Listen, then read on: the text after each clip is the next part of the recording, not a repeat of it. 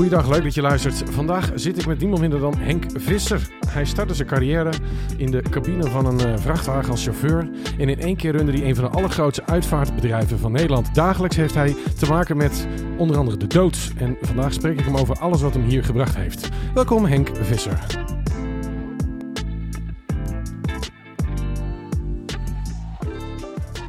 Goedemorgen Henk. Goedemorgen. Wat leuk dat je er bent. Ja. Vertel eens even, waar ben je opgegroeid? Eh, ik ben opgegroeid in uh, Tille. Daar heb ik eh, vanaf mijn... nou, ik ben er niet geboren, maar vanaf mijn derde ben ik er opgegroeid tot mijn achttiende. toen ben ik naar Drachten verhuisd, ben ik op mezelf gaan wonen. En nu woon ik in het mooie, pittoreske Harkema. Dus een echte Fries afgeboorte, voor de mensen die het nog niet gehoord hadden. Ja. Het is een echte Fries. En je zegt, ik ben niet geboren in Coach Ben je geboren in Paramaribo of... Nee, is het minder romantisch dan eh, dat? Nee hoor, Drachten. In Drachten geworden, oké, heel goed. En wat deden die ouders? Uh, mijn, uh, mijn vader is uitvoerder bij een uh, grondwerkenbedrijf en mijn moeder was thuis en daarna ging ze productiewerk doen. Oké, en heb je broertjes, zusjes? Ja, ik heb twee broertjes en een zusje. Zo, dus best een groot gezin. Ja. En hoe ben je opgegroeid? Hoe was dat? Kijk je er goed op terug? Was het gezellig? Uh, ja, het is wat je er zelf van maakt, hè? Maar nee, ik heb een... Dat weet ik niet. Kijk je er goed op terug? Of denk je, nou, dat is een kutheid, blij dat ik groot ben? Nee, nee, nee, nee. Het was een mooie tijd. Ik heb een uh, mooie jeugd gehad. Ja, okay, absoluut. een mooie onbezorgde jeugd gehad. Ja. En toen, toen ging je... Uh, was je in één keer... Zat je in een vrachtwagen of zat er nog iets tussen? Nee, er zat zeker wel iets tussen. Um, ja, je komt natuurlijk van, van de basisschool af. En van de basisschool ga je naar de middelbare school. En dan moet je keuzes maken. Ja, wat ga je doen? Dus ik, ik heb geleerd voor elektrotechniek. Ik heb de LTS hier in Drachten gedaan. En dan, uh, dan ga je stage lopen bij een installatiebedrijf. En dan kom je na twee weken erachter: nee, dit ga ik nooit weer doen. Nee. En, en waarom niet? Nou ja, sleuven frezen en muren. En, het is gewoon hard werken. ja, ben 16 jaar ga je dat doen. Nee, nee, nee. nee. Oké. Nee, dus uh, toen uh, had een goede vriend van ons had een uh, nieuwe vrachtwagen gekocht. En dan ben ik een, een keer mee meegereden. En ja, dat maar dan moet je je rijbewijs nog gaan halen, toch? Ja, ik heb uh, vanaf mijn zestiende de chauffeursopleiding gedaan. En aansluitend heb ik uh, uh, stage gelopen via de chauffeursopleiding bij een meubeltransportbedrijf. En zodoende ben ik ook in het meubeltransport gebleven. En heb je, heb je, altijd in Nederland gereden of ook daarbuiten? Nee, internationaal ook. Oké. Okay. echt, ja, eigenlijk alle landen wel. Duitsland, Griekenland, van alles wel. Echt van alles. Oké. En hoe is dat? Want je zit veel eenzaam in de cabine. Waar denk je dan over na? Gosje, nee, ja, echt uh, ontzettend veel. Ja. Um, ja, waar denk je over na? Ja, goh. Ja, vertel. Ja, dit vraag ik jou. Wat denk jij over na als je in die cabine zit? Je zit er nogal wat uurtjes. Ja, je, nou ja, goed, je luistert naar de radio en um, ja. Je vindt daar iets van? Nee, nee, ik ben niet echt iemand die, die van veel dingen iets vindt. Nee. Oké. Nee. En hoe komt dat? Hoe kan dat je niet overal iets van vindt? Nou ja, weet Heb ik niet. Heb je dat geleerd, dat het niet, uh, niet hoort? Of, uh, of vind, voelt het niet fijn? Nee, dat weet ik nou. Nee, nee ik ben, ben niet iemand die snel, uh, snel oordeelt. Um, ja, dat weet ik niet. Dat is, een goede jouw vraag. brave christelijk Friese opvoeding geweest? Die jou, waarschijnlijk, ja, waarschijnlijk. die hebben jou dat gewoon ingepeperd. Ja, ja. Natuurlijk goed. Hey, en, en dus je reed en je, en je dacht veel na. Al weten we nog niet waarover, maar misschien komt het later nog aan bod. En in één keer heb je een uitvaartbedrijf. Daar zit natuurlijk van alles tussen. Ja, dat klopt. Hoe is dit allemaal gelopen? Vertel me dat verhaal eens. Nou, ik, uh, ik heb uh, um, tot um, uh, 2012 was ik werkzaam in, in, in het transport, in de meubellogistiek. En toen begon de crisis en is het transportbedrijf, was de eigenaar was 65 jaar. Okay. En die dacht van, nou, met de komst van de crisis laat ik het verkopen. En was voor mij ook een punt om te zeggen van, nou, dan, dan stop ik bij het, in, in dit werk. Een goede vriend van me die had uh, een, een uitvaartbedrijf. Martien was dat, hè? Martien Nijboer, ja, in Drogaan.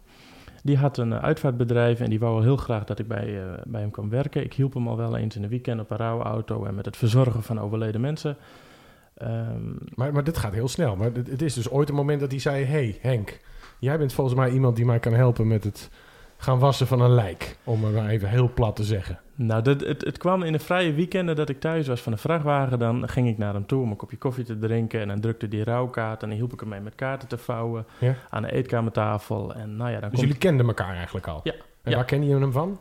Nou, dat is ook een bijzondere vraag. Hij, uh, hij speelde ook Sinterklaas. En toen ik nog een klein... Oké, okay. nou wordt het een heel ranzig verhaal, ja? Hij speelde Sinterklaas, ja. Hij speelde Sinterklaas. En als ik een klein jochie was, en nou ja, je kent het hele verhaal, de ouders die nodigen Sinterklaas in huis uit. Ik was er erg onder de... Ja. ja. Allemaal goede herinneringen die terugkomen, zie ik. Ja, erg onder de indruk. En, eh, maar goed, zo, is die vriendschap ontstaan. Met Sinterklaas. Je wist niet eens dat het Martien was. Jij dacht Toen dat het niet. Sinterklaas was. Nee, nee, nee, maar ja, ik was een jochie, hè? Jij dacht investeren, deze man heeft geld. Nogmaals, bij een goede jeugd. Heel goed. Ehm ja, je brengt me er ook af. Ehm nou ja, hij, hij was een goede vriend van me, dus ik hielp hem af en toe aan de eetkamertafel met, met kaarten vouwen en die dingen. En dan komt er een moment dat hij eh, zijn eerste rouwauto kocht.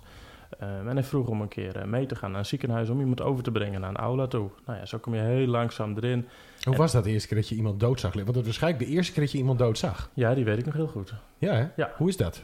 Leg maar dat eens uit. Want heel veel mensen maken dit niet mee. En zeker niet als het niet van jezelf is. Kijk, als het je eigen familie is, heb je ook nog allemaal emotie. Nee, de, de, de eerste keer ehm, ehm, ging ik met hem mee naar, eh, naar Sneek toe. was midden in de nacht en er was een man overleden in een eh, verzorgingstehuis. En, Dat is een eh, oudere man al. Ja, Ja? ja. ja, ja. En die, die zouden we verzorgen en wij zouden een, een opbaring aansluitend verzorgen. Ja, en dan ligt daar inderdaad een, een, man en een verpleging die ging net weg en wij zouden gaan, gaan verzorgen. En Martin zei, nou, ik, voordat we gaan verzorgen, ik ga nog eventjes naar het toilet toe. En stond ik op dat moment alleen met die, eh, met die man in die kamer. Ja, dat vond ik wel een hele rare gewaarwording. Dat was een hele rare gewaarwording. Ja. En ik, En hoe voelt dat? Wat voel je dan? Kijk, is het angstig of is het, is het spannend? Nee, ik had geen, nou misschien ook wel een beetje angst en ook, ook spannend. Het was meer het idee van ja, hij is misschien nu wel overleden, maar ja, wat als het niet zo is? En waarom sta ik hier dan in deze Boe. kamer? Ja. ja. ja, dus ik ben nog even wachten met verzorgen totdat Martin terug was. Ik denk, dan is in ieder geval iemand erbij die, eh, die er verstand van heeft. Ja, Ja. ja. en zo, zo is het eigenlijk eh, begonnen. En wat doe je dan met zo iemand? Zo iemand ligt daar, die is overleden in zijn kleding of in zijn pyjama in het ziekenhuis. Dan moet je hem helemaal gaan wassen. Ja, dan, dan begin je de persoon eh, nou, eerst goed mooi recht te leggen. Ehm, je doet de kleding uit ehm, en, en ja, langzaamaan begin je te, te verzorgen. Maar is dat ook niet heel bizar de eerste keer dat je dat doet? Want zo iemand beweegt niet. Hoe voelt dat? Eh, vreemd, eh, want de, de, ze zijn nog wel warm en, en, en ja, dat, het is allemaal, je krijgt allemaal nieuwe prikkels, nieuwe, ja, het, het is bijzonder. Ja. En, en merk je dat ook als jij nu nog nieuwe mensen begeleidt? Dat ze dat, is, is er een soort mensen dat dit wel kan en een soort dat het niet kan? Nou, de mensen die, ik- die ik in de loop der tijd aangenomen heb, die komen, al- die komen uit de uitvaartbranche. dus die hebben, er, eh, die hebben er eerder mee te maken gehad. Dus het gevoel wat ik toen had, dat, dat zie ik momenteel nog niet terugkomen. Oké. Ehm, Je hebt geen stagiaires. we hebben stagiaires, maar die zijn echt wel, eh, wel, eh, ehm, wel ouder. En die komen vaak wel uit de zorg dat ze wel Oh, te maken hebben met overleden mensen. Ja, want er zijn natuurlijk veel mensen die dat vroeger, er was een cabaretier, ik weet niet wie het was, ik denk helemaal Vinkers of zo, die zei, ik begrijp wel dat je uitga- uitvaartbegeleider bent, maar dat je het wordt, begrijp ik niet. Want, jij bent dus ook bij toeval. Zijn er ook mensen die op een gegeven moment denken, dit is mijn roeping? Ik vind het zo leuk om iemand een kistje onder de grond te gooien, daar ga ik mijn werk van maken. Eh, nou, toevallig heb ik uh, afgelopen twee jaar uh, twee mensen aangenomen. Eentje die is 27 jaar werkzaam geweest bij het CNV. En die door de sluiting van het CNV-kantoor hier in Drachten um, kon die aan de werk gaan doen. Um, en één iemand die heeft 17 jaar bij Unive als verzekeraar gewerkt. En uh, die wou ook echt iets anders. Maar in beide gevallen kan ik me voorstellen dat je suicidaal wordt, maar dat je uitvaartverzorger wordt. Dat is natuurlijk nog weer iets anders. Toch? Ja, goed, oh. als het hun keuze is. Als maar is dat dan dat ze dan dat menselijke... Wat is ik, ik heb het ook wel ervaren, ook wel jullie aan het werk gezien. Het is natuurlijk enorm mensenwerk dit. Want ja. jij begeleidt, ja, die dooien, die moet je wassen en die moet je in een kistje leggen. Maar eigenlijk waar je de hele dag voor werkt, zijn de mensen daaromheen. Ja, maar in principe is het ook zo dat de uitvaart een ritueel is. Vanaf het eerste moment tot het laatste moment is het een ritueel. Dat wij de persoon gaan wassen, dat wij de persoon in een mooie kist gaan leggen, dat wij... Alles wat wij doen is een ritueel. Je kan het zo eenvoudig, mogelijk maken of je kan het zo uitgebreid mogelijk maken. Maar het ritueel is hetzelfde uiteindelijk. Het ritueel is hetzelfde. En waarom hebben we zo'n behoefte aan die rituelen? Wat is dat? Uh, ja, nou ja, voor een ieder zijn eigen rouwproces. Door, door er een. een ieder, de, de een iemand wil het juist heel uitgebreid doen om zijn, zijn afscheid, of het, het afscheid zoveel mogelijk ruimte te geven. Ja. Zodat hij het rouwproces nog beter kan. Uh, kan dus die, die, neemt dat, die koopt daar tijd mee eigenlijk? Zijn er ook mensen die een schuldgevoel hebben? Die zeggen, nou, ik heb eigenlijk niet heel goed, dus ik koop een hele dure kist. Of hele mooie bloemen, want ik ben eigenlijk gewoon voel me schuldig. Dat is niet wat wij, in, wat wij direct merken, nee. nee. Natuurlijk maken we ontzettend veel eh, eh, situaties eh, mee. Ja, de een is wat, wat, wat meer geliefd als de andere. En het gebeurt ook dat wij bij de over staan of dat wij op een begraafplaats staan. Dat we samen met de beheerder bij, het open bij het open graf staan. Dat zo iemand totaal geen netwerk om zich heen gebouwd Dat er gewoon niemand is. Dat er gewoon niemand is, ja. Zijn dat dan ook van die gemeentebegrafenissen? Ja. ja. Dat is wel, is wel ultiem droevig, of niet? Dat is echt ultiem. Ja, dat maakt ook wel dat, wij, dat ik er ook echt over nadenk van... Goh, hier sta je dan. Is dit wat je je hele leven dan gedaan hebt? Hm. Ja. Maar anderzijds is het, is het of kan het een bewuste keuze van een persoon zijn... om misschien als een kluizenaar te leven? Of juist, ja, ja juist niet. Hm. Hey, en uh, je werkte bij Martien, je reed op die auto, je had dus een paar keer zoiets meegemaakt. En uh, dan word je niet zomaar de eigenaar. Hoe, hoe is dat gegaan? Nee, ik ben in 1 oktober 2012 ben ik in, in, in dienst gekomen van Martin Nijboer. Um, en ik begon in april 2013 begon ik mijn eerste uitvaart zelfstandig te verzorgen. Um, Martin Nijboer die had last van depressieve periodes. Dat was voor ons wel, wel normaal. Hij had het jaarlijks en hij, ja, hij, het bedrijf kon gewoon doorgaan terwijl hij ziek thuis zat. Want hij zat echt, het was zo erg die thuis zat? Ja. En waar merkte je aan dat het slecht begon te gaan? Nou, het was, mensen vragen, nou, Martin is dus overleden in, in oktober 2013. Uh, mensen vroegen ook wel eens van, aan ons van, goh, heb je dat niet, uh, niet aanzien komen? Ja, je groeit met Martin op. Je wist dat in het najaar was gewoon niet zijn beste periode. En, maar dan was hij Sinterklaas? Ja, nee, dat was al meer een paar... Dat, was, al dat was een poosje weer afgelopen, ja. Um, en, en, ja, ja je, het, het, gebeurde. En die, de zomer van 2013 uh, was hij wat eerder ziek dan, dan voorheen. Ja, en dat maakte dat hij in oktober 2013 was overleden. Maar hij, was, hij, heeft, hij heeft zichzelf van het leven beroofd, hè, begrijp ik. Ja, dus dat is, dat is, heel emotioneel. Want jij bent, je kent hem ook als vriend. Je was een half jaar dus feitelijk voor hem werkzaam, hè? april, oktober ongeveer. Mm -hmm. Dus je werkt een half jaartje daar en dan is de eigenaar, die pleegt zelfmoord. Ja. Dat is bizar. Ja. Hoe, hoe, want als je hem als vriend kent, hoe, hoe, voelt dat, hoe, hoe sta je dan in het leven? Want dan staat alles op zijn kop, denk ik. Ja, op dat moment um, um, voor, voor, voor de, de rouwverwerking was het voor ons... Uh, Wie is ons? Want je zegt ons. Het, het team. Het team van, okay, uh, ja, van, ja. van Martin Nijboer. Ja. Uh, ja, we hadden natuurlijk meerdere collega's. Um, het was de drukste tijd van het jaar. Dan haal je je eigen, eigen leider haal je op uit een, uit een ziekenhuis... om hem terug te brengen in zijn eigen uitvaartcentrum. Terwijl je gewoon vol in bedrijf door moet gaan. En dat was echt ontzettend wrang. We hebben fouten gemaakt, uh, mensen hadden wel begrip voor. Maar toch, je, je, we zijn een uitvaartleider die de lat enorm hoog legt. En dat was op dat moment erg, ja, was lastig. Ja. Ik kan me voorstellen. En, en denken jullie dan ook, nou, we houden ermee op? nee, ik, ik ben... De, die periode, het eerste half jaar, ben ik echt in een overlevingsmodus uh, gaan, je doet wat je moet doen. En uh, de, de, notaris, dat was op dat moment onze werkgever. En ja, je zorgt gewoon dat je... Want dat is de bewindvoerder feitelijk even? Ja, ja, okay. ja. Je zorgt gewoon dat je, dat, je, dat je door blijft draaien. Gewoon ook voor, voor, de, voor, de, nou ja, voor de toekomst. Je weet niet wat de toekomst was, dat wisten we echt niet. Um, en langzaamaan in het proces, na een aantal maanden... Uh, wordt wel duidelijk van jongens, wat gaan we doen? En ook ik kreeg de vraag van de notaris van... ja, wat, wat, wat gaan we eigenlijk doen? Nou ja, ik had er echt niet over nagedacht om zelf het bedrijf over te nemen. Ik heb er een moment aan gedacht om het samen met de manager uh, te doen. Ja, en dan... En hoe kwam je er dan toch bij? Want had Martien laten weten wat hij wilde? Of was hij gewoon pleiten? Nee, hij had wel een testament uh, opgemaakt. En hij had ook in het testament op laten maken dat uh, de notaris benoemd was tot testamentair executeur in hoogste rang. Dat ze buiten de erfgenamen om mocht bepalen wat er met het bedrijf zou gebeuren. En zij zei ook, ik ga in het belang van het bedrijf ga ik, handelen. Um, nou ja, en zo is het ook eigenlijk uh, gebeurd. Ja, ik heb maar het is toch heel bijzonder dat jij dan een keer denkt, ik moet het maar gaan runnen. Want je was een half jaar uitvaartverzorger. Ja, dat klopt. Je had nog nooit een onderneming gehad. Nee. Je hebt natuurlijk wel urenlang zitten nadenken in die vrachtwagen. Ja, over van, maar niet over, dit. nee, maar niet over dit. Nee, nee, nee, nee.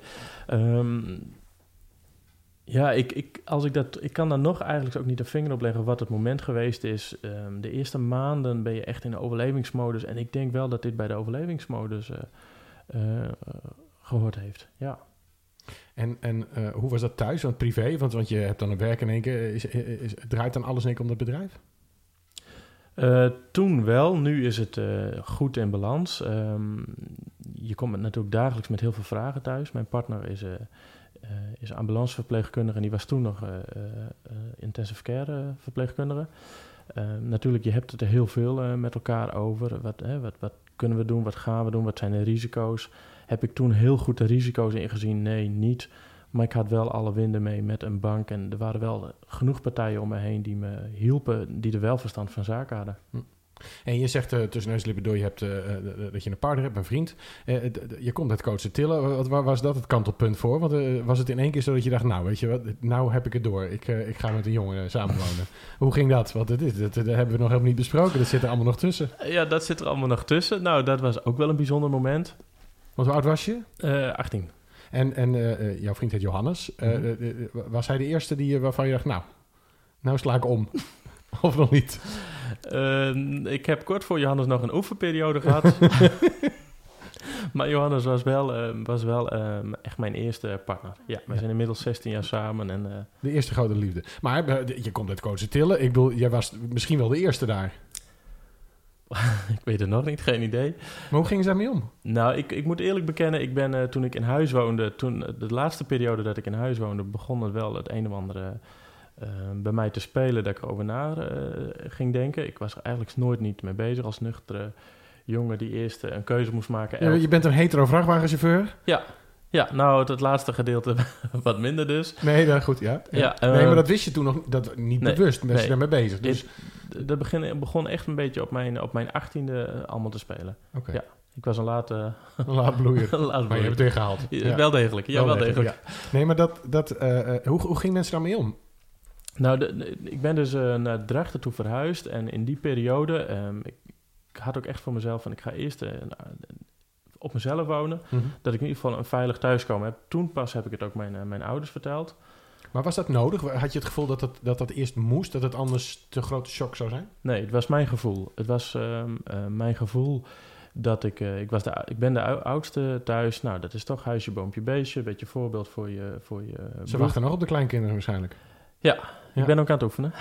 ja, toch wel. Voor de kleinkinderen, ja. Ja, ja. maar ehm, ja, dat, dat ik een veilige, dat, ik, dat je gewoon een plek had waar je naartoe kon, kon gaan. Achteraf was dat niet nodig, maar goed, je doet iets, weer zo'n overlevingsmodus wat je doet. Mm -hmm. Het zijn keuzes die je maakt. Maar je zegt ook van, ik, ik ben zelf niet zo van het oordelen.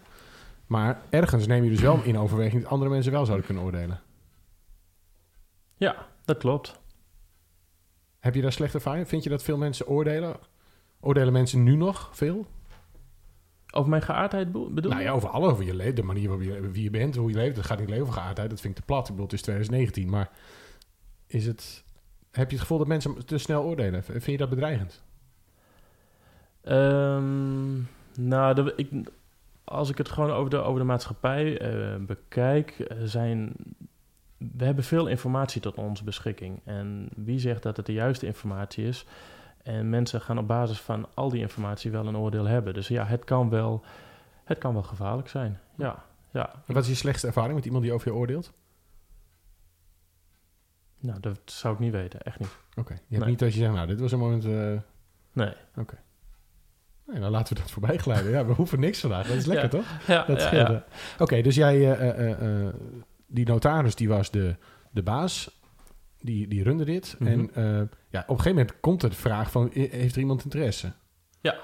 Had Martien ooit laten weten dat hij jou een opvolger vond? Of dat hij jou geschikt vond? Want jullie spraken elkaar ook buiten het bedrijf om. Ja, nou, we, hij heeft natuurlijk wel dingen uh, benoemd. Bijvoorbeeld uh, zijn uitvaart. Hè. Hij had zijn uitvaart helemaal in de details had hij dat al uh, klaar liggen. Ik wist ook als enige hoe hij dat wou hebben en waar dat allemaal stond. Hoe kan het dat hij dat bij jou... Waarom was jij zijn vertrouweling? Want blijkbaar, als je zo somber bent, praat je niet met iedereen de hele dag over alles. Nee, maar Martin was wel meer dan een goede vriend. Ik kan ook wel zeggen dat hij een, eh, een tweede vader voor me was. Dat, okay. was, dat maakte ook nog wel een beetje lastiger uh, allemaal. En er, er komt bij dat mijn vader een, een, goede vriend van mijn vader was. Zo kwam ik ook met Martin in uh, contact. Okay. En over mijn geaardheid gesproken, het moment dat ik uit de kast kwam en mijn vader dat aan Martin ging vertellen, toen kwam datzelfde moment kwam mij Martin uit de kast bij mijn vader toe. dus mijn vader voelde hem wel even eenzaam op dat moment. Ja, en door, daardoor werd onze band wel Steeds Heel sterker. sterk, Ja, we konden gewoon heel veel met elkaar eh, sparren. Maar je zegt heel snel, dat voelde mijn vader zich even eenzaam. Voelde hij dat het...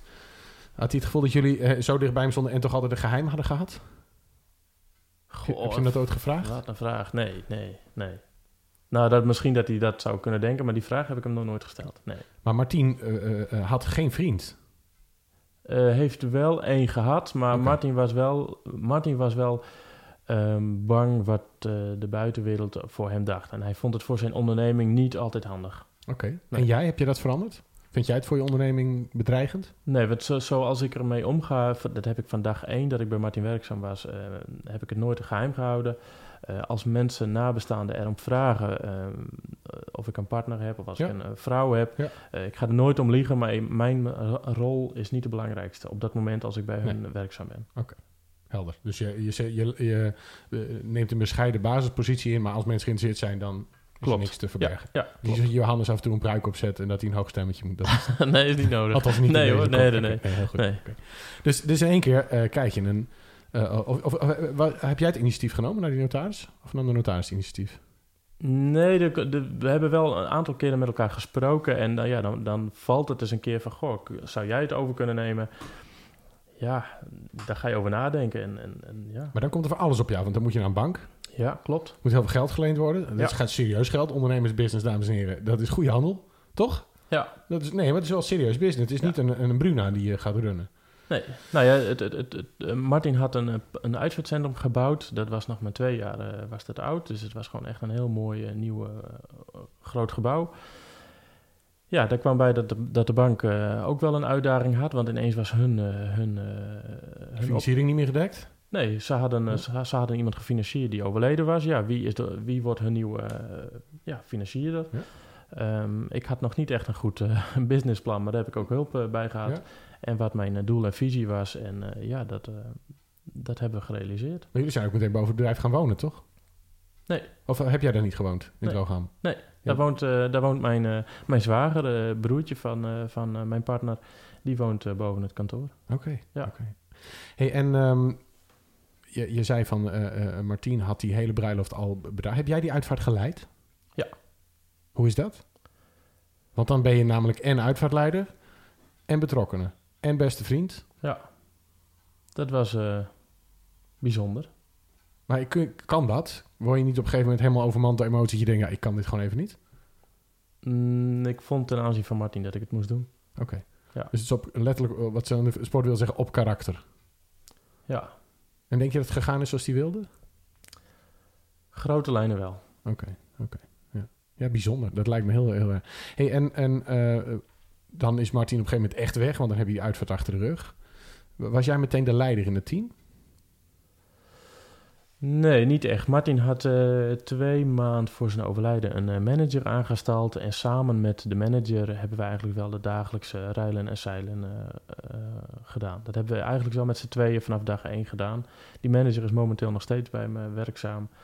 Ehm, en dat gaat heel goed. Ja, we hebben bijzondere eh, tijden beleefd. Want een dag voor het overlijden van Martin is zijn vader plotseling overleden. Dus we zaten echt in een, eh, echt in een rollercoaster. Jullie hadden allebei een emotionele uitvaart.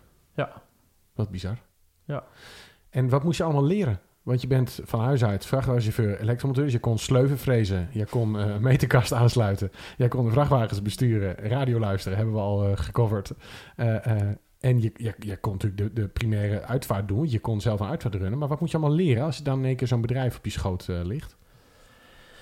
Nou, dat is een, ook een hele goede vraag. Als ik kijk eh, hoe ik in het begin eh, werkzaam was binnen de organisatie, was echt niets anders dan alleen maar uitvaarten verzorgen. En dat ging heel ver door, zeven dagen in een week, overdag de, de bezoeken met de nabestaanden en s'nachts uh, het rouwdrukwerk verzorgen. Um, ik heb natuurlijk de, de, de opleiding gedaan tot uitvaartverzorger en voor de rest... Die moest je ook nog doen, of had je die al gedaan toen? Nee, daar was ik mee bezig, maar door het overlijden van Martin ben ik ermee gestopt. En die heb ik dus weer... Uh, Opgepakt later. Ja, ja. ja. En wat leer je in zo'n opleiding? Ja, eigenlijk hoe je met nabestaanden omgaat en natuurlijk een stukje met de overledene persoon qua verzorging, maar ja, hoe je in het dagelijkse werken met nabestaanden omgaat. Ja. En, en dat stukje verzorging, is, want je zei ik moet het wassen en, uh, en uh, balsemen misschien, weet ik niet, doen mensen dat? Uh, nee, tegenwoordig kun je thanatopraxie uh, toepassen. Dat doen, dat doen onze mensen niet. Wij kunnen daarvoor wel mensen inhuren. Eh, maar ik merk dat dat hier in het noorden nog niet echt speelt. En wat is dat? Thanatoproxie? Uh, is dat ze de, de, de, de bloed uit het lichaam halen. Ja. En daar doen ze een ander middel doen ze daarin om het uh, lichaam te conserveren. Ja. Dat het eigenlijk plat gezegd niet gaat rotten. Ja, plat gezegd. Ja, ik wel, maak het niet mooier, maar Ja. we zijn hier geen commercial voor Ja, jou ik, aan het opnemen. ik dus- probeer netjes te ja, nee, dat is heel goed voor jou. Ik zie dat jij heel keurig dat allemaal eh, speelt, maar ik voel me vrij om er toch even iets eh, duidelijker te maken. Ja. Hey, en, ehm, maar op een gegeven moment moet je dan ook dingen doen als lippen op elkaar gaan stikken of lijmen of eh, weet ik hoe het allemaal gaat, toch? Nee, Om het maar even de romantiek eraf te trekken. Dat, dat zijn ook wel echt... Wij, wij, ik, ik zal niet heel vaak technisch gaan spreken, maar wij lijmen niet, beslist niet. Ehm, wij doen een hechtingplaats, een binnenmondse hechtingplaats. Oké, maar dat klinkt heel professioneel, maar de eerste keer dat jij aan een lijk staat te naaien, letterlijk, dus je staat ineens met naald en draad iemand met alle dignity die je in je hebt, zo, dat is toch een heel raar gevoel. Is dat lijkt me, ik zou het niet eens doen. Ik zou zeggen, ja, doei. Nou, de eerste keer dat ik het zag, vond ik vreemder dan dat de eerste keer dat ik het moest doen. Want ik moest gewoon mijn focus ophouden dat ik natuurlijk een, een, een, een goede sluiting... Dat is een technisch klusje dan. ja, ja, wel degelijk. Oké. Ja. Maar, maar dat doe je dan gewoon. Je gaat niet zeggen, nou, hier moet ik even naar Groen slapen. Of ik ga even... Je kan ook niet op YouTube een paar filmpjes kijken. Weet je, dat is... Nee, maar ik bedoel, dat zou ik doen als ik iets... Als ik, eh, weet ik veel, een tafelpoot moet timmeren, wat ik nooit doe. Dan zou ik een filmpje opzoeken op eigen huis en tuin. Maar er staat nergens, hoe stik je een lippen op elkaar. Nee, Als dat mijn zou... vrouw het kon, had ze het bij me gedaan trouwens. Ja, ik denk meerdere. Dankjewel, Henk. Ja, fijn ook. Nee, maar dat, dat, ja, dat zou wel een, iets zijn dat je het op Google kan terugzien. Maar nee, het, het be- de eerste keer dat ik het zag, vond ik het eh, indrukwekkender. En had ik ook echt zoiets van, nou, dit ga ik nooit doen. Maar toen ik het de eerste keer deed, ik deed in een mortuarium van een, een ziekenhuis. ehm, nee, daar, was, had ik... Maar ook hier weet je dus nog precies de eerste keer dat je deed. Ja, zeker. Ja, ja. En eh, nou ja, op een gegeven moment, eh, eh, dat bedrijf dat gaat lopen. Jij leert van alles over ondernemen. Je zit met banken, je zit met allemaal mensen en, en dat draait. En inmiddels heb jij honderden uitvaarten begeleid, denk ik. Mhm. Wat, wat, wat, komt, wat komen ze allemaal met elkaar overeen, behalve het ritueel? Wat is dat ritueel eigenlijk? Wat zijn de onderdelen? Want je zorgt voor die overledenen.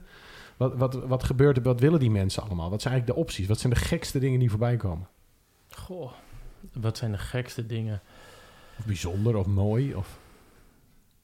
Nou, ik denk dat we, dat we hier in het noorden toch best wel traditionele uitvaarten eh, eh, neerzetten. Eh, dat houdt toch eigenlijk wel in dat, je, dat ze een, een eenvoudige kist of een gewoon een mooie kapkist willen hebben. Een, een kerkdienst met aansluitend begraven. En na de begrafenis een stukje eh, een, een koffietafel met ja, Een stukje merendeels kijkdienst en merendeels begrafenis. Bij ons is het eh nou, 65, 70 procent eh, begraven en eh restant is cremeren. En is het, eh, eh, eh, want ze, de, ze hebben een beetje het gevoel als de, de, de christelijke mensen worden niet vaak gecremeerd. Steeds meer. Steeds meer. Want in, eh, eh, is dat in andere landen anders? Jij, eh, jij hebt wel eens verteld, in Duitsland gaat het heel anders toch ook? Dan gaat het veel onpersoonlijker. Dan laden ze gewoon letterlijk een Vito vol met zes lijken. Eh, nou, een sprinter met acht lijken. Ja, dat klopt. Oké, heel goed. Ik had het merk goed. Het was een Mercedes, ja. Godverdorie. Nou, ja, oké. Nee, ja, maar ook, ook dat is weer een ritueel. Daar kun je iets van vinden. Maar ja, in Duitsland gaan ze er weer heel anders aan toe. Dat Maar dat is dus veel meer cremeren. Eh, ja, de percentages weet ik niet, maar ik, ik weet hoe het eraan toe kan gaan. Ik heb een collega-ondernemer in Duitsland waar ik wel eens naartoe ga. En dan ga je wel eens mee naar, een ziekenhuis of naar een crematorium. En ja, daar staat een crematorium op een industrieterrein. En die draait zes dagen in een week, 24 uur op een dag. En daar kunnen drie lichamen tegelijk in een oven, natuurlijk gescheiden. Eh, maar dan gaat het er heel anders aan toe. En inderdaad, een Mercedes Sprinter met acht lijken, die, eh, die voert dat aan. En, want in Nederland, die, wetgeving, ik weet inmiddels dat er ook, daar gaat een soort steentje met een code in en jij moet dat allemaal aftekenen. Hoe, Mhm. hoe werkt dat? Want, want jij wordt eer, iemand, e- even heel plat, iemand is overleden en die, eh, nou, misschien thuis. En, en dan word jij gebeld. En wat moet jij allemaal regelen? Nou, wij- stellen natuurlijk hele gerichte vragen aan de telefoon. Eh, we- we beginnen met de verzorging. Willen ze dat die persoon thuis blijft of juist naar een aula toe gaat? Eh, willen ze meehelpen met de verzorging? Maar Eh, moet, moet jij bijvoorbeeld ook eh, eh, voor jezelf achterhalen... want Stel iemand zegt, nou, opa is overleden, eh, vannacht is niet wakker geworden. Dat is een helder verhaal. Maar wat nou als iemand zegt, ja, hij ligt onderaan de trap. En hij is 35. En zijn vrouw is niet thuis. Heb je dan meteen zoiets van, misschien moet ik de politie maar eens gaan bellen? Of is dat niet jullie taak? Ja, wel degelijk is dat een, een, een, een taak van ons. Als wij binnenkomen en, en er liggen overlijdenspapieren, want niet eerder kunnen wij eh, in actie komen, Wat zijn overlijdenspapieren? eh, dat de arts de dood vastgesteld heeft. Oké. Dus voor, voordat Dus wij... niet genoeg dat jij even schudt en denkt, die doet het niet meer. Dat moet echt een medicus moet dit vaststellen. Ja, ja, Oké, dus ze moeten eigenlijk altijd... Jij wordt nooit gebeld voor de dokter. nee, klopt. Wij, wij stellen die vraag ook aan de telefoon. Is de arts inmiddels langs geweest? Oké, En die zal dan ook wel een conclusie getrokken hebben van, joh, dit, dit is... vertrouw ik eh, niet. Precies. Wat kom je eens bij misdaden? Niet dat we weten. Oké, Nee. niet dat we weten. Oké, nee. Je hebt wel eens een Italiaanse familie die bij jullie komt zeggen... mogen we zelf de oven even lenen, maar... Ja, nee, Ja. nee, nee, nee. Oké, nee, nee, oké. Dus, dus, eh, dus jullie doen hele legit business. Er komt een dokter die zegt, dit, dit wordt hem niet meer. En dan gaan jullie pas beginnen. Ja. En hebben jullie dan het beheer over zo'n lichaam? Nee, in principe niet. Nee, de nabestaanden die zijn de beheerder van het lichaam. Oké. Ja, Dus die verlenen jullie ook toestemming dan? ja, dus eh, formeel gezien zijn wij ook een opdrachtgever nodig. Opdracht tot dienstverlening. Ja, en die persoon is onze, ja, de hele week onze, onze contactpersoon. Oké. Ja. Hey, en dan eh, verzorg je het lichaam en neem je het altijd mee? Nee, je baart het ook op thuis, toch? Ja, ja, hier eh, gebeurt heel veel thuisopbaringen. Dat kunnen we doen in, in bed of juist in een uitvaartkist. Dat is net wat, wat, wat de wensen zijn. En dan zet je er zo'n vriezer onder, We zetten er een koelplaat onder. een koelplaat onder. Ja. Ja, ja. Oké. Hey, en, dan, eh, en dan, nou ja, goed, dan is dat eerste stuk klaar. Ik bedoel, iedereen weet het is overleden. En dan zit je met die familie. Ja. En hoe heb je nou geleerd, want jij deed dit al voordat je die opleiding had gaan. Hoe heb je nou geleerd? Luister je? Wat is de, wat is de truc? Wat, wat is de, hoe stem je je af op die mensen? Nou, wat is de truc? De, de, de, de, de, de, de truc is dat ik eigenlijk bij binnenkomst ehm, de eerste vijf tot tien minuten toch wel aftast. Wat voor, wat, wat voor mensen hebben ze nodig? Hebben ze juist een leider nodig die goed initiatief neemt? Of hebben ze juist een coach nodig? Zijn er kinderen die juist alles willen doen en dat ik ze juist bij kan sturen in wat ze graag willen? Dat wacht ik de eerste tien minuten vaak af en dat, dat kom je gauw genoeg, kom je daarachter. Dat voel je wel aan. En heb je al die types ook in je team? Eh, ik heb een heel divers team, inderdaad. Ja, maar de, de, de uitvaartverzorger van nu moet toch de chameleon zijn. Die, alle uitvaartverzorgers bij ons moeten toch echt in elke familie kunnen passen. Het zou niet goed zijn, voor de onderneming ook niet, dat ik bepaalde uitvaartverzorgers eh, naar bepaalde families moet sturen. Je werkt in een rooster en ja, iedereen moet overal naartoe kunnen. Maar is iedereen die jij hebt aangenomen daar meteen goed in? Of moet je ze daar dan zelf ook nog in helpen? Nee, de, de mensen die, de uitvaartverzorgers die ik nu in dienst heb, die, eh, die zijn er heel goed in. Eh, er is zojuist... Maar hoe weet je dat? Evalueer je dat? Nou, ja, ik Ja. kan me voorstellen dat je niet meteen een vragenlijstje stuurt, of wel? Jawel. Oké. Ehm, wij nemen vier tot vijf weken na de uitvaart nemen wij contact met de nabestaanden op. ehm, om de uitvaart te evalueren. En we, we sluiten het gesprek ook af van... Goh, we sturen u een evaluatieformulier. Zou u die willen eh, invullen voor de verbetering van onze diensten? En daar komt, komt ook een eindcijfer uit. En ehm, de uitvaartverzorgers die krijgen allemaal een gemiddeld eh, eindcijfer. En wat, wat is het slechtste cijfer dat ooit gegeven is? Een nul. Een nul echt. Ja. En en wa- wanneer zijn mensen dan zo ontevreden? Want ligt dat dan altijd in die uitvaartverzorger of is dat misschien ook gewoon allemaal onverwerkte ellende?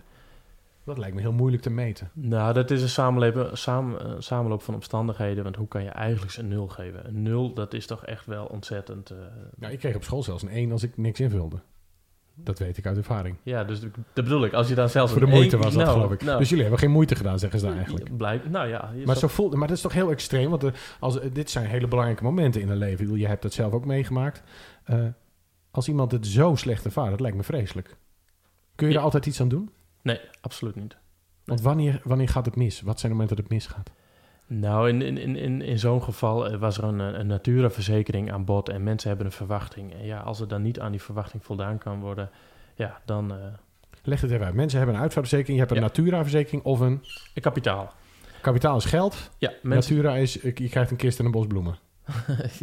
ja, ja, een Natura-pakket is een pakket in, in diensten. Dat vertegenwoordigt een, een, een be- een bepaalde waarde. Er zit bijvoorbeeld eh, 50 kaarten in. Er zit een eenvoudige uitvaartkist in. De uitvaartverzorger zit erin. Eh, maar diensten die je bij derden betrekt, zitten vaak niet in. Dus als je naar een crematorium toe gaat, dan zit ehm, een crematorium of een begraafplaats zit er vaak eh, niet bij in. En een, een, een beetje uitvaartkosten. Want ik, eh, deze week stond online dat Jarden, een van de grootste partijen in Nederland, gaat heel slecht. Eh, onder andere omdat zij allemaal rukverzekeringen hebben die niet meer uit kunnen. Ze hebben heel veel Natura-verzekeringen gedaan. En die pakketten die hebben ze verkocht. En daar hebben ze bedrag X voor ingelegd. Maar dat kan niet meer uit. Die diensten zijn te duur geworden. Toch? Ja, Zeg ik, vat ja. het goed samen? Eh, ja, klopt. De, de, de, de, Want wat kost een uitvaart?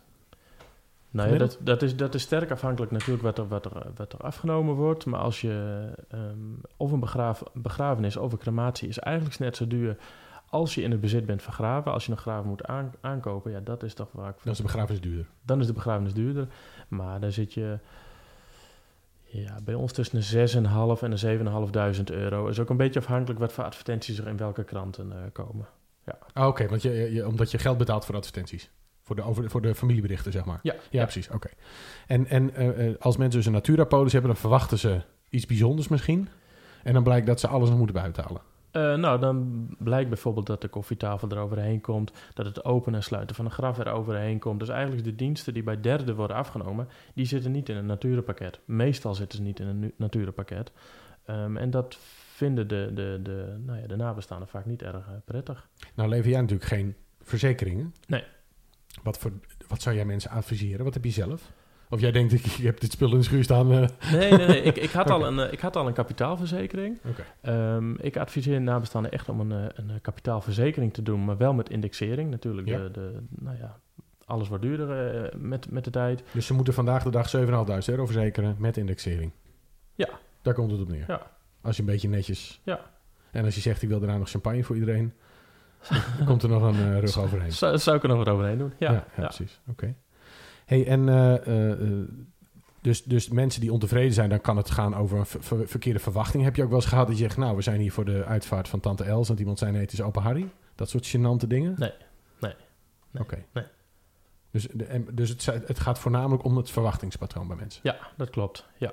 En als je, als je ehm, deze familie met een nul, die, die wou heel veel zelf doen.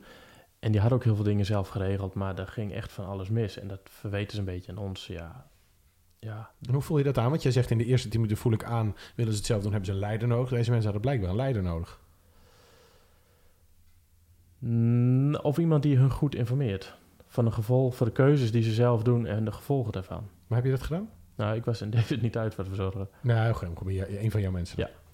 Eh, ja, Oké. Maar blijkbaar zit daar dan dus een... In, dat lijkt me heel moeilijk, omdat... Kijk, als wij gewoon een gesprek voeren en wij tekenen een overeenkomst... dan zijn we daar nu allebei nuchter bij. Maar als jij totaal intens verdrietig bent... eh, moet je dan iets extra's doen? Heb je dan extra verplichting?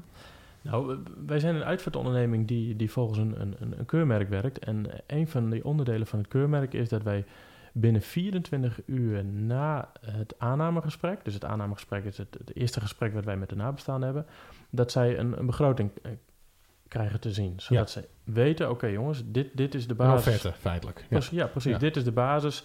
Komen dan nog wat meer kopjes koffie bij, wijzen op de gevolgen. En elke, elke stap die zij doen, dat je ze op de gevolgen wijst. Dat geeft wel de uitvaart een zakelijk karakter, maar is wel een transparant iets. En kun je dus voorkomen om, om achteraf eh, ja, gedoe te krijgen. En, en het is een zakelijkheid. Het, het is natuurlijk voor jullie ook zaken. Het is, het is business ook.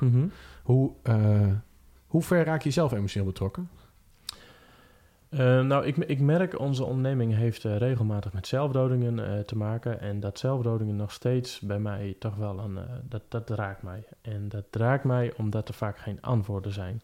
Als iemand ziek is of als iemand verongelukt of iemand, ja, het klinkt een beetje gek, maar vermoord wordt, daar zijn er antwoorden. Die, er is, je kan iemand aanwijzen of er is een oorzaak. Maar een zelfdoding, dat blijft gewoon een ingrijpende gebeurtenis van, van nabestaanden. Ook omdat ze denken, had ik het maar kunnen voorkomen? Precies, de schuldvraag. Ja. ja. Nou ja, schuld nog niet eens. Maar ja, goed, ja, de schuldvraag is dat jij het echt veroorzaakt hebt natuurlijk. Maar eh, zoals bij Martien weet jij ook van... Nou, hij, hij vond het moeilijk om eh, nou ja, uit de kast te komen eh, op een latere leeftijd. Om daar om zichzelf te zijn feitelijk. Denk je dan ook van misschien had ik hem daarin moeten helpen? Misschien had ik hem aan de hand mee moeten nemen? Misschien letterlijk? Nee, bij Martin had ik dat niet, omdat wij als collega's wel eh, eens, nou ja, gekscherend is een beetje eh, een gekke naam nu, maar dat hij geen 50 zou worden. Dat hij vervolgens eh 46 geworden is, ja, dat was wel een beetje... Maar waarom zei je dat dan? Dat je zei dat hij geen 50 gro- zou worden? Nou, omdat hij toch die, die, die depressieve periode, hij, we hadden er wel eens een gesprek over van, goh Henk, als ik nog eens een keer zo diep zi- zit, dan, dan sta ik niet voor mezelf in. Nou, dat is wel gebleken. Ja. ja. En, en kan je zo iemand helpen? Ja, hij had wel hulp, professionele hulp. En, en er is iets, je kunt gewoon niet in een hoofd kijken. Je, je, je kan niet zien hoe erg het is. Dus, dus zelfdoding, dat, dat roept bij jou iets op. Maar ik denk dat de eerste keer dat je bijvoorbeeld een kinderbegrafenis hebt, dat, dat, dat moet ook iets raars zijn, of niet? Ja, dat klopt. Ja. Weet je de eerste nog? Eh, ja, ik weet de eerste nog wel. Ehm, eh, ja, dat,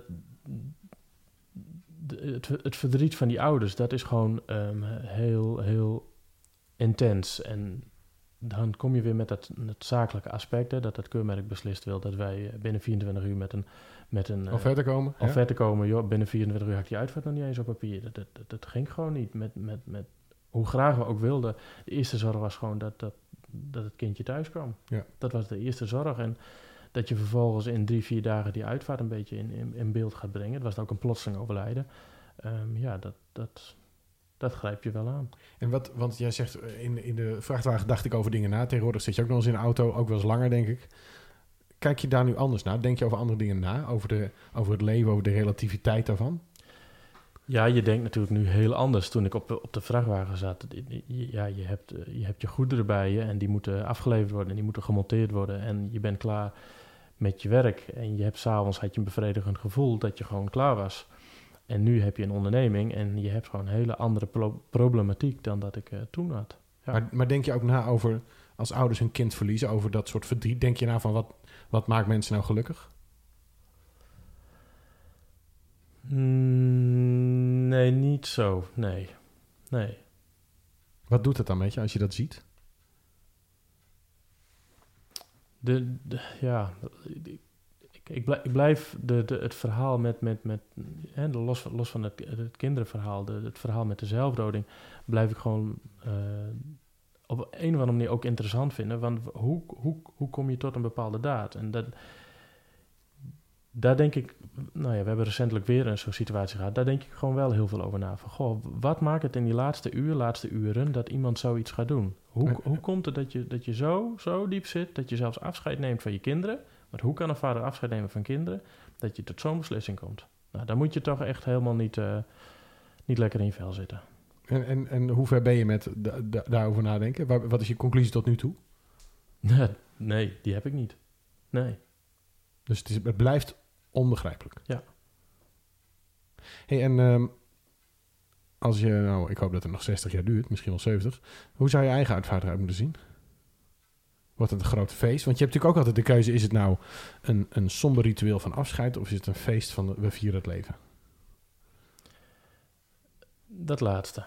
We vieren het leven. Ja. Ja. Vier je leven nu ook? Ja. ja. Ik zie een hele grote geest. Nou, vertel me even, Henk. Nee, maar nee, je, je moet het op één reis meenemen. Ja, dat lukt aardig. nee, ehm, Maar is dat, als je de hele dag met, met dood werkt, is het ook zo dat je extra bewust bent van ik ga gewoon verdorie genieten zolang ik kan? Of appt dat op een gegeven moment ook weer weg? Nee, dat heb, dat heb ik niet. Ik ben wel op, op, op een moment dat, dat nee, je bent als, als, als je twintig bent, dan, eh, nou, dan denk je dat je nooit weer eh, doodgaat. En ik heb nu wel echt, omdat je ook met heel veel nou ja, bijzondere situaties te maken hebt, je leeft naar een bepaald punt in je leven. Je leeft naar je dood toe. Oh, wat een eh, positieve, positieve quote voor deze uitzending. Je leeft naar je dood toe. Ja, Dus Ja. uitgeze- uitgestelde euthanasie is het hele leven.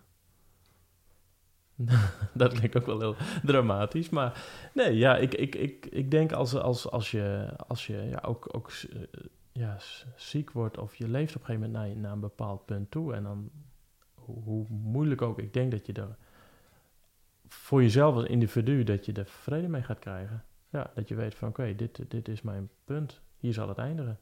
En spreek je wel eens mensen voordat ze die zelf een uitvaart plannen? Eh, weinig. Momenteel ehm, doe ik zelf ook nog niet heel veel uitvaarten meer. Ehm, onze uitvaartonderneming die doet eh, wel heel veel voorbesprekingen op dit moment. Dus juist mensen of die het gewoon goed geregeld willen hebben... of juist mensen die, eh, die terminaal zijn.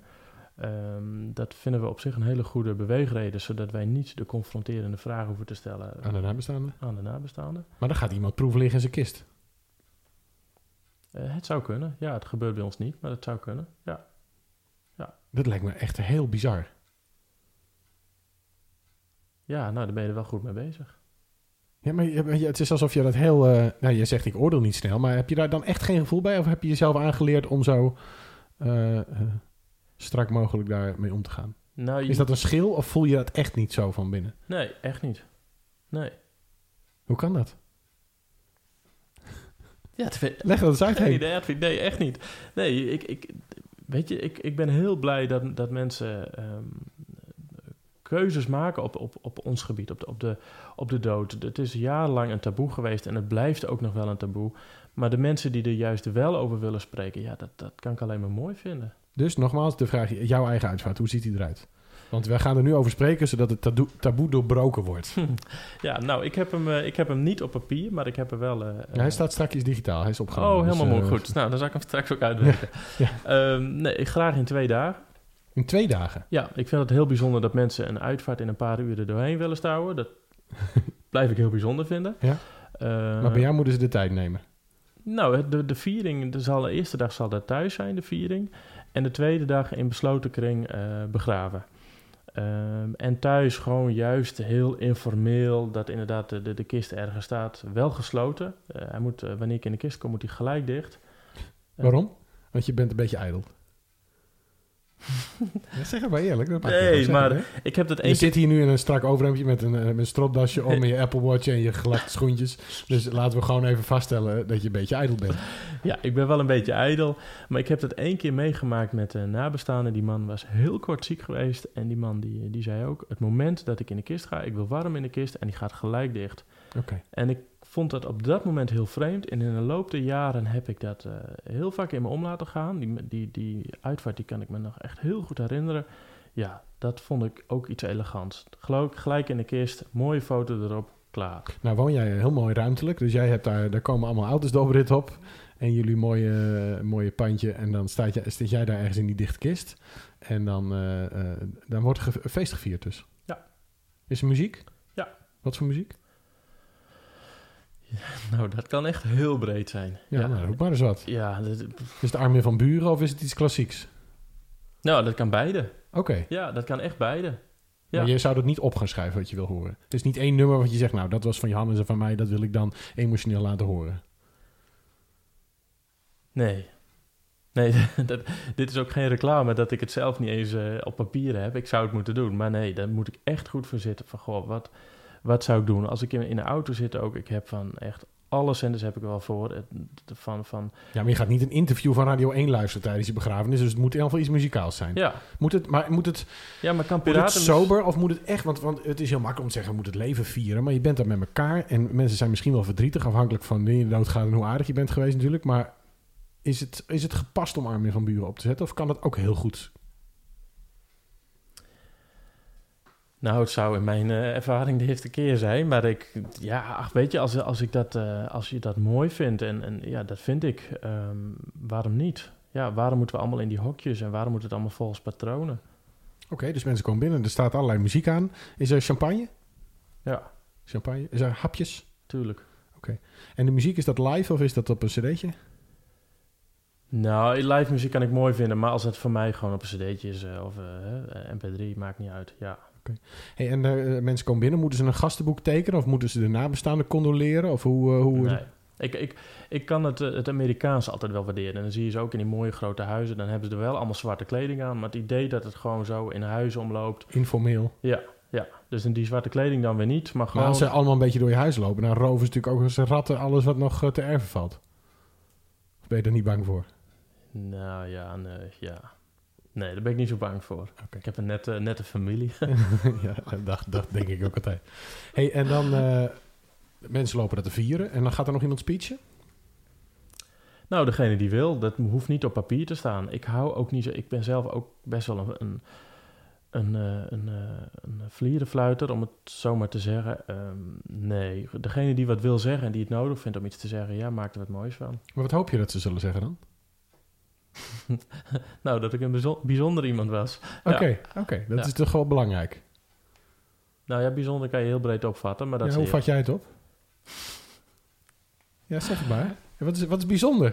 Je Nou- zet een hele grote bij op, dus jij hebt nu precies een beeld van wat bijzonder Nee, is. nou, nou dat niet. Maar ja, weet je, wat wil ik dat mensen over mij gaan zeggen? Dat is toch wel... Nou, ik hoop bijvoorbeeld dat ze zeggen dat ik eh, voor mensen was als het nodig was. Ja, Of ik hoop dat ze zeggen dat, dat mijn kinderen laten denken dat het niet heel vreselijk was. Dat ik ze liefdevol verwaarloosd heb. Ja, nou, ik heb... ik, ik voeg niet iets toe dat, dat mensen iets, iets... Of het voegt voor mij niet iets toe dat mensen iets, iets moeten zeggen over mij. Als ik bij hun in herinneringen ben, vind ik dat al heel mooi. Oké. Ja. Sommige mensen hebben iets gezegd. Het was een bijzonder mens, Henk. En dan? Wanneer houdt het op, het feestje? Midden in de nacht, als de laatste ecstasy op is? of gaat het niet zo ver? Nee, dat, is- dat zal niet zo ver gaan. Oké, Nee, dat zal niet zo ver gaan. Nee. het wordt een uur of zeven. Ja, totdat we niet laatst naar huis gaan. Nou, ik denk dat dat zullen onze vrienden zijn. Ja. Oké. Ja. Die gaan als laatste naar huis. En dan staat die kist daar. Ja? Ik hoop voor je dat Johannes er dan nog zit. Ja. En dan? Ehm, en dan de volgende dag dat ik met een, een kleine kring... dat we naar de begraafplaats gaan. Dus dat wil je nadrukkelijk niet met een hele grote groep. Nee, zoals ik er nu in sta, niet. Ehm, wat ik in mijn, in mijn dagelijkse beroep ook zie, dat, dat je met een hele groep naar een begraafplaats gaat. En dan in die hele groep, dan wordt die, die kist die gaat dalen. En daar moet dan een hele groep bij staan, omdat het altijd zo gebeurt. Juist het dalen van een kist op een begraafplaats, juist dat die kist zo open, op zo'n open graf staat, dat is echt zo'n intiem moment. Mhm. Da- dat feit wordt wel eens voorbij gegaan. En ik benadruk dat ook bij, bij nabestaanden. Dat maakt ook dat steeds meer ehm, mensen in een besloten kring naar de eh, begraafplaats gaan. Maar ik benoem ook echt voor jongens, het, het moet niet mijn keus zijn. Ik benoem alleen dat het een intiem moment is. En de vraag is, hoe wil je dat intieme moment delen? En Ja. dat kun je eigenlijk ook niet inschatten als je het niet hebt meegemaakt, denk ik. Nee, dat klopt. Ja. Maar ja, ik, als, ik, ik zie het natuurlijk gebeuren dat, dat er met hele groepen eh, naar een begraafplaats toe gaan. En dan staan ze met grote eh, kringen eromheen. En je ziet dat, dat de meest buitenste, ja, die zitten vaak naar de bomen of de vogeltjes te kijken. En dat kan mooi zijn. Hè? Dat, dat, Ja. dat veroordeel ik niet. Maar, Maar- die zijn gewoon niet enorm geraakt. Het is een, een beleefdheid. Waarschijnlijk, ja. Ja. ja. Ja, en dan heb ik zoiets van, ja, hou dat gewoon heel klein en intiem. Want het is wel echt het laatste wat je op dat moment doet met, met het lichaam. En jij zegt wel heel nadrukkelijk, wil begraven worden. Ja. Je hebt toch alles gezien. Waarom? Nou, ik moet eh, ook, ook dit, dit, dit begraven, dat, dat eh, heb ik eigenlijk jarenlang eh, eh, eh, vastgehouden. Ehm, momenteel zijn ze in Nederland bezig met resume, resumeren. Ehm, Samenvatten, resume. Dit was Henk. Ja, nou ja, dat, dit, eh, dat, dat is een, een nieuwe manier van eh lijkbezorging. Ik wil opgezet worden. Is dat hetzelfde of niet? Nee, Oké. nee. Sorry, nee. ja, ga door. Ehm, dat, dat, ik moet me nog wat verdiepen in de materie. Het lijkt me wel eh, heel, heel bijzonder. Maar ja, ook dan is er weg is weg. En dat is net als een crematie. Weg is weg. Maar hoe werkt het resume? Resumeren. Ehm, dat eh, gaat op. eh, je komt ook net als een soort eh, als een crematorium in een soort ton met, met water en nog een aantal stoffen. En je wordt ook helemaal opgelost tot, tot stof. Maar er zijn... Dit is wat Dexter doet als seriemoordenaar, zeg maar. Ja. Ja. Oké. Nou ja, in, dus in een aantal delen van de wereld speelt dit al, of doen ze dit al. In Welke delen? Eh, Amerika en ik geloof Canada. Oké. Dus Ja. wel de moderne wereld. Bijvoorbeeld in India doen ze gewoon zelf een vuurtje in de tuin. Dit is wel een hoogontwikkelde vorm, zeg maar. Ja, nou, een vuurtje in de tuin is ook een ritueel. Alles is een ritueel. Nee, dat, dat begrijp ik. Maar, Ja. maar waarom dan zo'n technisch ritueel? Dit klinkt de- de- het minst persoonlijke tot nu toe. Eh, ja, is wel het meest ecologisch. Want ja, duurzame uitvaart, dat is tegenwoordig eh, een hot item in, in onze branche. Ehm, van dat oogpunt zou ik dat doen. Anderzijds is begraven, ja, weet je, dan hebben mensen een punt om naartoe te komen, mochten ze het willen. Maar is dat dan ijdelheid dat je dat nog hoopt? Want als ze het niet willen, moeten ze er iedere keer voor zorgen. Zie je, staat die arme Johannes daar straks met zijn tandenborsteltje zo'n steen af te krabben. Nee, wat, nee wat, die mooie juist groen op een steen vind ik altijd wel mooi. Het moet een beetje gore steen worden. nou, als, als eer van jouw leven. nee, je gebruikt de steen. Nee. Gebruikte, gebruikte steen. Nou, wat prachtig. Oké, dus, dus, maar, maar dat is wel bijzonder. Want eh, jij zegt dus een tweedaagse begrafenis. Vieren met, met iedereen. Mhm. Eh, iedereen die daarvan mee heeft genoten. Niet te veel somberheid. En dat laatste echt intieme, verdrietige moment met een heel klein groepje. Ja. Maar dat heb je dus niet opgeschreven. Terwijl je tegen Nee. je klant elke dag te schrijven. Nou op. Ja, dat klopt. Ja. En wat weerhoudt je ervan om het op te schrijven? Moet je dan ook bezig zijn? Want is het ook niet heel confronterend als je bezig bent met je dood? Nee, heb ik niet. Nee. nee. Wij, eh, wij, wij zien echt zoveel dingen. En, en het- ik denk dat het meer van mijn kant gemakzucht is dat ik het niet op papier heb. Ik vind het niet confronterend. Joh, het hoort erbij. En jouw eh, vriend die doet uh, ambulance, die is ambulanceverpleegkundige. Hebben jullie al samen een klus gehad? Nee, dat eh, doen we ook niet. Lijkt me ook niet. Maar dat zou wel kunnen, toch? Theoretisch. Ja. Hij probeert ze te leven, eh, te, te redden. Ja. Ja. Je zou er ook een business van kunnen maken. Zou kunnen. Ja. Als het niet lukt dat jij de... Nee, nee, dat, eh, Nee, het zou kunnen dat ze provisie krijgen per lichaam. Nee, nee, nee, nee. dat nee. werkt natuurlijk niet zo. Nee, oké. Hey, en ehm, als je dan terugkijkt, stel je bent 80, we hopen dat je dat haalt, hè? En, en eh, je kijkt naar de, de opvoeding in de coachster Tillen, waar je toch wel een beetje braaf en oordeloos bent opgegroeid. Je hebt wel een bijzonder leven daarna gehad. Ehm, wat heb je geleerd in al die tijd, in die 80 jaar? Wat is de belangrijkste levensles die je hebt meegekregen met alles wat je hebt gezien? Goh. Ehm, ja, dan kom ik toch wel een beetje op dat, dat oordelen. Laat iedereen in zijn waarde. En niet te snel aannames doen. Heb ik ook wel eens gedaan en ik doe het nog af en toe wel eens. Dan betrap ik mezelf ook op. Ja, leef je leven. Neem het op de heenreis mee. Neem je op de heenreis mee. Ja, en, en oordeel niet te veel. Ik hou er ook echt niet van om, om mensen te kwetsen. Dat, dat, dat, dat kan ik niet. Om een ander pijn te doen. Nee. Heb je nog nooit gedaan? Nou, Je hebt nog nooit een relatie verbroken. ja, vanwege, vanwege Johannes, vanwege mijn partner. Ja, oké, maar goed, dan heb je toch iemand eh, pijn gedaan? Ja, ja. En daar voel je je nog slecht bij? Nee, nu, nee. Nee, maar dat- ik weet niet. Het is niet mijn intentie om mensen te... te Nee, dus als het niet een kwade intentie is, dat, dat, want Ja. dat was het dan natuurlijk niet. Dus Ja. als je, je, je houdt niet van de kwade intentie. Nee, En neem het mee op de heenreis. ja. Hartstikke goed. Daar sluiten we mee af. Dankjewel Henk Visser voor dit fantastische interview. En leuk dat je hebt geluisterd. Eh, nou, luister nog veel meer interviews. En eh, tot de volgende.